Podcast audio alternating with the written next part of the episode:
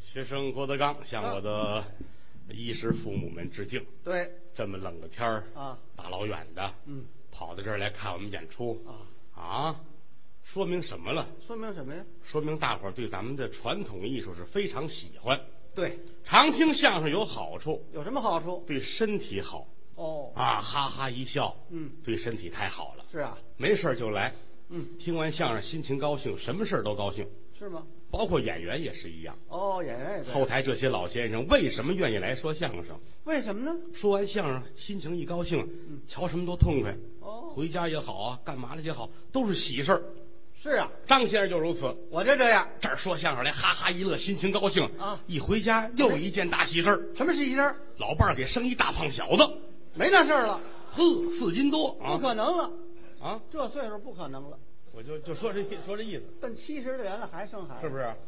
就说这意思。哪意思啊？常听相声有好处，哦，是不是？嗯，有的朋友对我们很熟悉，对，也有的朋友是头一次来。也有投来的。学生叫郭德纲，您相声界里一个小演员，后起之秀， 哎，秀是秀了好些年了，嗨，也没人认识我。干这么些年，除了我们家里人，没人认识我，也有认识多惭愧啊！嗯走了街上没人认识，啊。站在王府井那儿，嗯老贾，嗯，你认识我吗？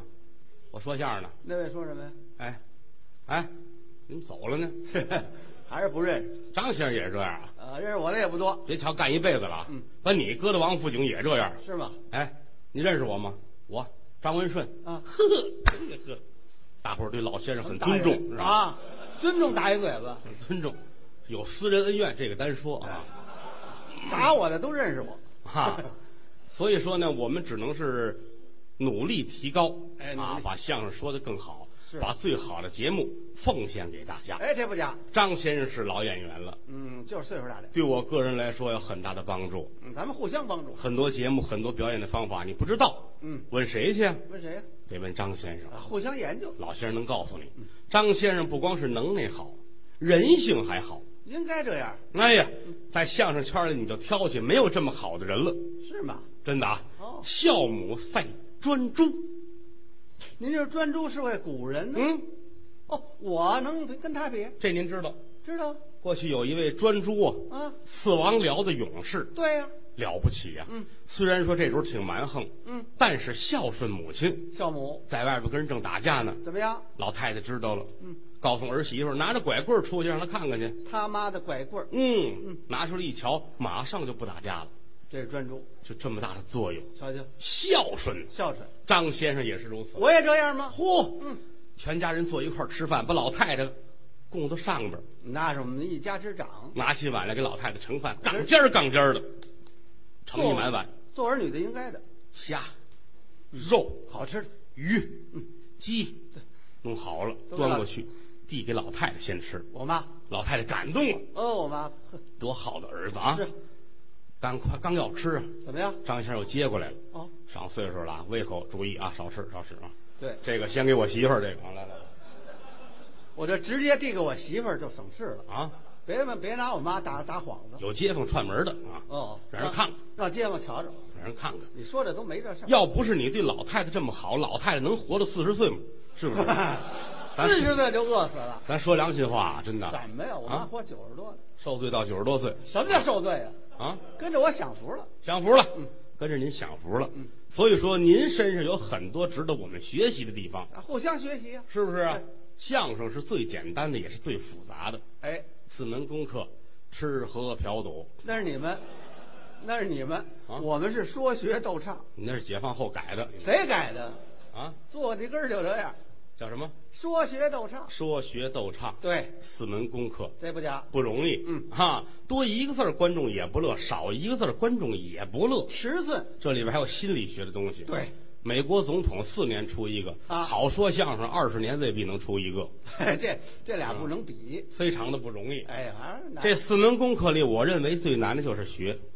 哦，学它比较广泛，嗯，既得学说，还得学唱，哎要学表演。科目太多。您学各省方言，对，学个老人说话，那怎么学的？学个小孩子的举止动作，也得学，是不是？嗯这都得学，是学唱，啊，那是更得学个唱戏呀、啊唱歌、唱大鼓、唱曲艺，对这得学嗯。包括街头叫卖，都是我们的老师。这是货卖声，现在当然没有了啊。现在现在大伙儿都知道，广告二字是很重要的。对嗯，报刊呐、网络、啊电视、电台，嗯不管您做什么生意啊，得有广告。媒体太厉害了。过去行吗？过去呢，过去没有这个，哦，就有个私人电台，有个电台，小生意你也做不起啊。小买卖没本儿，同仁堂行了，对，六必居行了，大买卖你卖耳朵勺的那又怎么样？做回广告啊这四十年白干了， 挣不出这钱来。是不是啊？，对，就得指着什么呀？这是什么呀？街头叫卖，哦，穿大街越小巷，嗯凭着肉嗓子，嗯把自己要卖的货吆喝出来。自个儿宣传自个儿，九腔十八调，棕绳翘扁担。东西南北城北京城是最讲究吆喝的啊。就拿卖菜来说，买，您说这吃这个鲜菜，挑着一个挑，嗯前后的箩筐，嗯十几样青菜，一口气儿把它吆喝出来，就跟唱歌似的，是吗？有点意思。好听啊咱！们学学老北京卖菜的哎，嗯啊，学学买菜，这儿一捂耳朵，嗯哎，香菜、辣青椒，哎，高松嫩芹菜来扁豆，茄子、黄瓜、小冬瓜，买大海切，买萝卜、胡萝卜、扁萝卜，那了芽儿嘞，香椿儿嘞，蒜儿嘞，好韭菜。他嗯这嗓子就这一嗓子，怎么样？站在长安街上，连通县都听得见。传多远呢？通县还有一卖菜的，嗯俩卖菜的，废话，四十里地听得见吗？我以为声儿大，哎，这是卖菜。卖菜的过去卖糖葫芦的也吆喝，冰糖葫芦，这个月份出来了啊嗯街上多啊，各式各样的。过去来说，东西南北城是各有不同哎，不一样。啊，北城是最讲究。北城呃，它这个深宅大院居多，院子太深，哎，吆喝起来要求是悠悠雅雅、飘飘荡荡。要拉长音儿，哎，米来冰糖葫芦儿来哟，葫芦儿。哎，这是北城，这是，北城的，嗯南城小街门居多，对吆喝起来比较短促。哎，张先生学这个，我从小在南城住，嗯，我们这边吆喝省市，怎么吆喝也这月份儿，嗯嗯，葫芦儿刚占得，瞧见了吗？哎这有点遗传吧？你看什么叫遗传啊？嗯啊，南城就这味儿，好听啊！哎，这个糖葫芦到了天津就不叫糖葫芦了，叫什么？叫糖墩儿，哦，糖墩儿，也不知谁起的名字啊。嗯，糖墩儿，哦，哎，写就是一个土墩儿啊，哦土墩儿的墩儿，拿糖给堆哎，哎糖墩儿，哦，墩儿，吆喝起来就吆喝一个字儿，哦，吆喝这墩儿，光吆喝这个，墩儿啊，嗯，墩儿啊。这叫省市，那大火锅的汤墩儿啊！哎，有点意思。天津虹桥区有一个人吆喝是与众不同，他怎么吆喝？哎，就是没有糊啊，这什么意思？就是没有糊，这什这什么？形容这红果干净，一刀切开了把籽儿 K 出去，就是没有糊，哦，介绍产品的特点。哎，就是没有糊啊，他这么吆喝呀？哎，因为这声叫卖它成品牌了，怎么样？跟前儿好几家儿，他不卖完别人开不了张。那好办，跟他学啊。嗯，挨着最近的有一个人也跟他学，对哎，就是没有糊啊，啊一分钱都没卖，那怎么回事呢？他是卖核桃的，嗨，卖核桃的别学他了。啊，我以为卖糖葫芦去不能随便的学。对，天津还有一种卖药糖的，吆喝起来好听，哎，有小过去伙子哎居多，北京也有，是不对，是？天津人把头发梳得油光锃亮，干净穿好了，漂亮。晚上有这么一个玻璃盒子，嗯，糖块都码在里边儿，红的、黄的、绿的、白的，各种颜色。哎点上小 gas 灯挂在脖子上啊，顺着大街往外一走，糖也好看，灯也漂亮，人也精神。哦吆喝起来一串儿一串儿有浓郁的天津风味，怎么吆喝？有点意。思。一端着玻璃盒子，嗯。买药糖啊，谁还买我的药糖啊？橘子还有香蕉，闪耀人蛋。买的买，少的少，卖药糖的又来了。吃了马的味儿啊，有了马的味儿啊，橘子薄荷冒凉气儿，吐酸水儿绕大了宝根儿。吃了我的药糖都管事儿，小子儿不卖，大子儿一块。好，天津药糖，这是卖药糖的。对，吆喝起来多好听、啊，好听是不是？嗯过去来说卖包子的也吆喝，买包子，包子不一样，哦呃，汉民的跟贵教清真的有区别。回汉两教不一样。对，这哦个大笑吆喝是包财。呃，包财好拜我的名儿嘞，尝着包拿着包，尝尝包儿馅儿啊！哎，这是汉民，这是大椒的。嗯，贵叫清真另一个味儿，他怎么吆喝？小伙计儿居多。哦，张嘴是这个味儿的。嗯，心有的体儿的咧，般若的咧，发了面的包儿一有热来。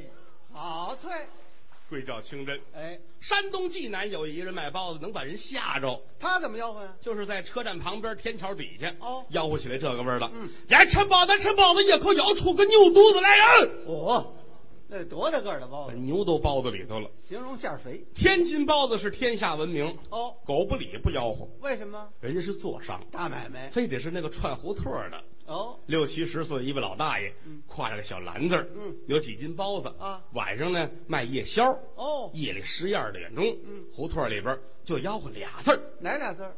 “肉包怎么吆喝呀”，？这个“肉”字儿出来你听得见，“包”字儿出来特别小，顺着空气就走了。是啊，肉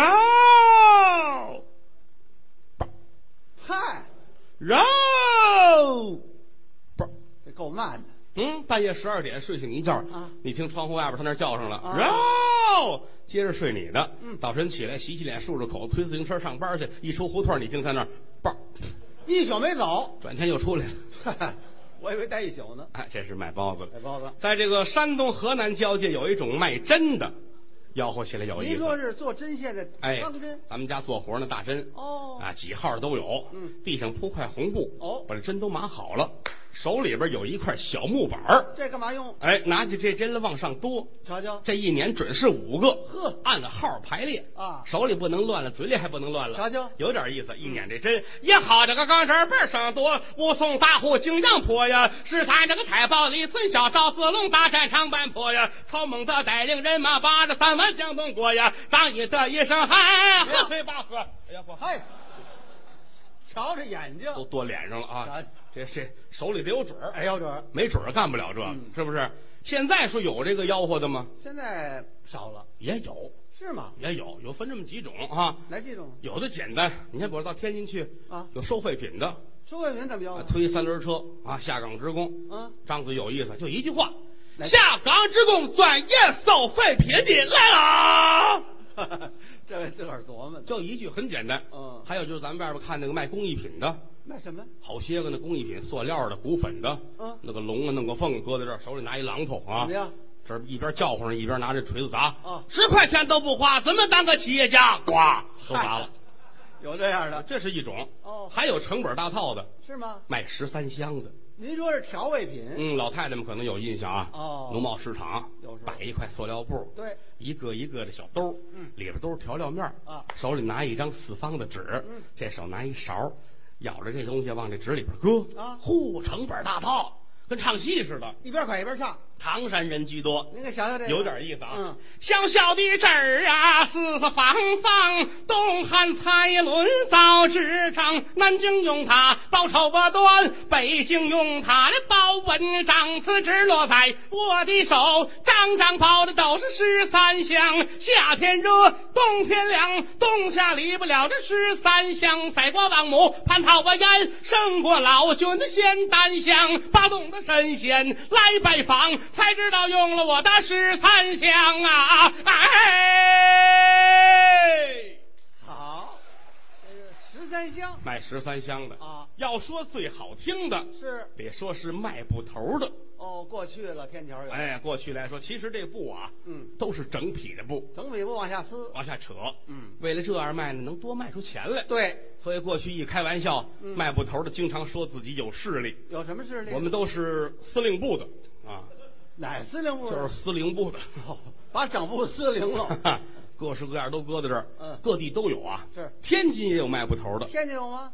背大包袱，哦，大包袱背好了，嗯弄一尺，塞在脖梗这儿，哦走街串巷，嗯，胡同里边儿张嘴就吆喝，他怎么吆喝呀？俺馒头一多三二多人，买家跟孩做人做苦，他那大伙小块健康，不怎么的那人看什么？呃就，嗯你乍一听你听不清楚什么词儿，啊，细听，叫胡喊，嗯。 嗨，不嚷嚷，这是天津卖布头天津，北京的布头是最讲究了，讲究吆喝，呵，讲究腔调，讲究韵味儿，是吗有点意思。哦今天这样啊，啊咱不耽误功夫，嗯给大伙儿学学这卖布头的好不好？学学这个啊，嗯呃要学的话，您得帮一个忙，我帮什么忙？因为卖布头一般来说是两个人，俩人哎，一人跟这儿卖，旁边有个小伙计要帮衬一下，哦，哎，因为要后边我得让价啊，喏，不好卖的时候自己往下让价，让来让去你得拦着我这儿。我来一下。哎，很简单，掌柜的，别让了，再让就赔了。掌柜的，别让了，再让就赔了。啊，这不行，这词儿个不对词儿是简单啊啊，那个从内心来说，觉得这是个真事儿，这个表情啊，对，对，那肩膀还得高点儿啊。你下来了我就没笑了，你上去吧。甭管这个嗯，掌柜的，别让了，小本儿赔了。哎不嘴里没劲。掌柜的，别让了，再让就呸了。哼，这个是吧？这会了。跟真的似的。喂啊，来，掌柜啊的，别让了，小本儿再让就赔了。这都长了尿角了。嗯，会了吗？赔了，这就开始，开始。来了啊！啊好嘞，别忘了啊！嗯，抖了快一快步，哎，这块是白的，嗯张嘴吆喝怎么这么白？是吗嗯？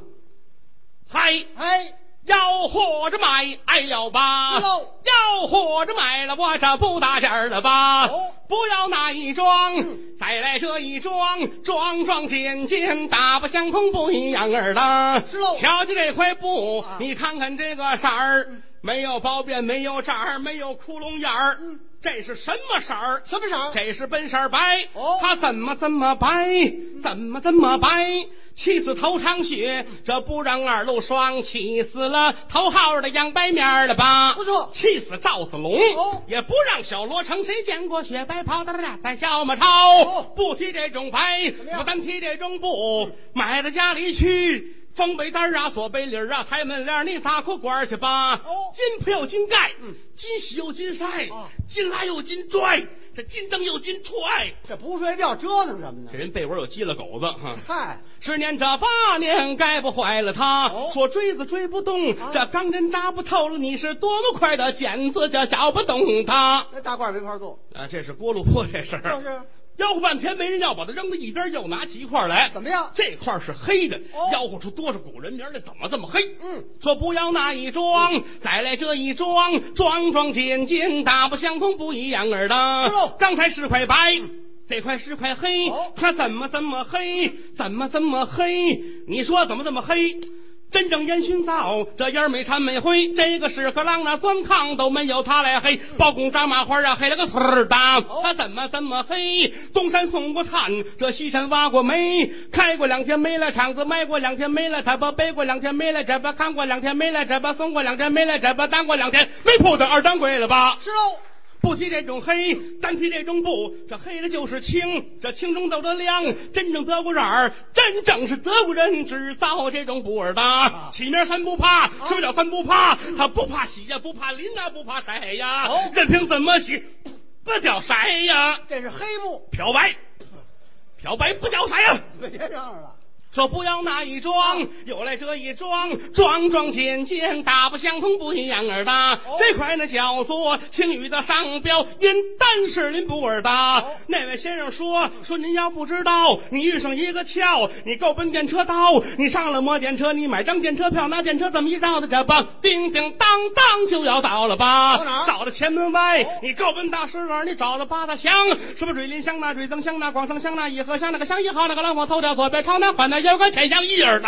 拔的行，站在柜台那儿，怎么样点着名儿的要，点着烟儿的挑，顶少的价码得四毛八，没有四毛八你也买不着。这么宽呢，这么厚呢，这么紫米，这么米，这么加米，这么起伏大是。为什么卖这么贵？挑费事大，楼上楼下电灯电话，人不吃，睡觉找他着了吧？那常言道的好，这面了罗里转的，让毛着出子带，那养生上了疤了，您就别忘了这电大。这个这可大着体的点了吧？到来我这个摊儿，您公你要香，一个样儿的货，一个样儿的尖儿，一个样儿的行市，谁还买？大道边儿那小道沿儿了，马路牙子摆小摊儿，那小门脸儿那小铺眼儿，小四合小铺店儿，小四合院儿的这个，碎把头二零多块儿了吧？不讲哪位先生说哦卖多少钱一尺？多少钱站官了小二掏一掏，吃损完家老钱儿了吧？好一掏五尺汤，对两掏整一丈啊，三掏一丈五，对，大尺量啊，足够您一张留了吧？是这块布头怎么样又宽又长，还得大高个儿，啊还得个三老头的大个儿膀子，没错一搭四搭，好的大脑袋瓜儿，对大脚巴烟儿，大大屁股蛋儿。呵，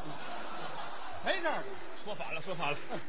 还得两条大手腿了吧，肥肥大大的足一高了吧？对穿在身上，走在街上，大伙儿这么一瞧，嘿，真不知道你了，是了哪了鬼的大掌柜了吧？好哪位先生说卖我头二代，哦怎么你样给我包上吧，你给我裹上吧，两块八毛我预备好了。这事儿呢要买我还不买了他？怎么了怎么回的事儿？饿了崴的生个芝麻还得让他，哦小徒弟知道我没打手工钱儿，我饿了崴的生个芝麻还得让他。他精致的粗补，白补了大白补了吧？他要学好了，那就是花子哥了什么李富尼，三月里开呀花儿，花儿花儿花儿花儿花儿要走了吧？哦这么两块八，那边还不要，不要不要紧。怎么样什么又叫本儿了？我是哪个又叫砖儿？咱是赔本儿穿吆喝，让去两毛，您给两块六，哦再去两毛，您给两块四，让去两毛，您给两块二。我去五分的，让五分的，给五分的，让五分，两块钱的，这钱你了给了吧？两块钱的好茶也短着喝了它。是大秧，你就给两块整的，这么两块钱不能把它扔到家那完好一使它那烧个一个零的，烧个一个整的，烧个一个棒子也不能买了它。这么两块钱，你们还不要？么样门个咯噔噔，两块大洋我打破了它。别介一个一块九，两个一块八，成本儿一块六，一块五。咱要是不要，这一块四了吧？这么一块四，那边还不要？不要不要紧，这红脸的汉子我叫顶了他，我让八毛，我去九块，还得给他钱这个。多少钱啊呢？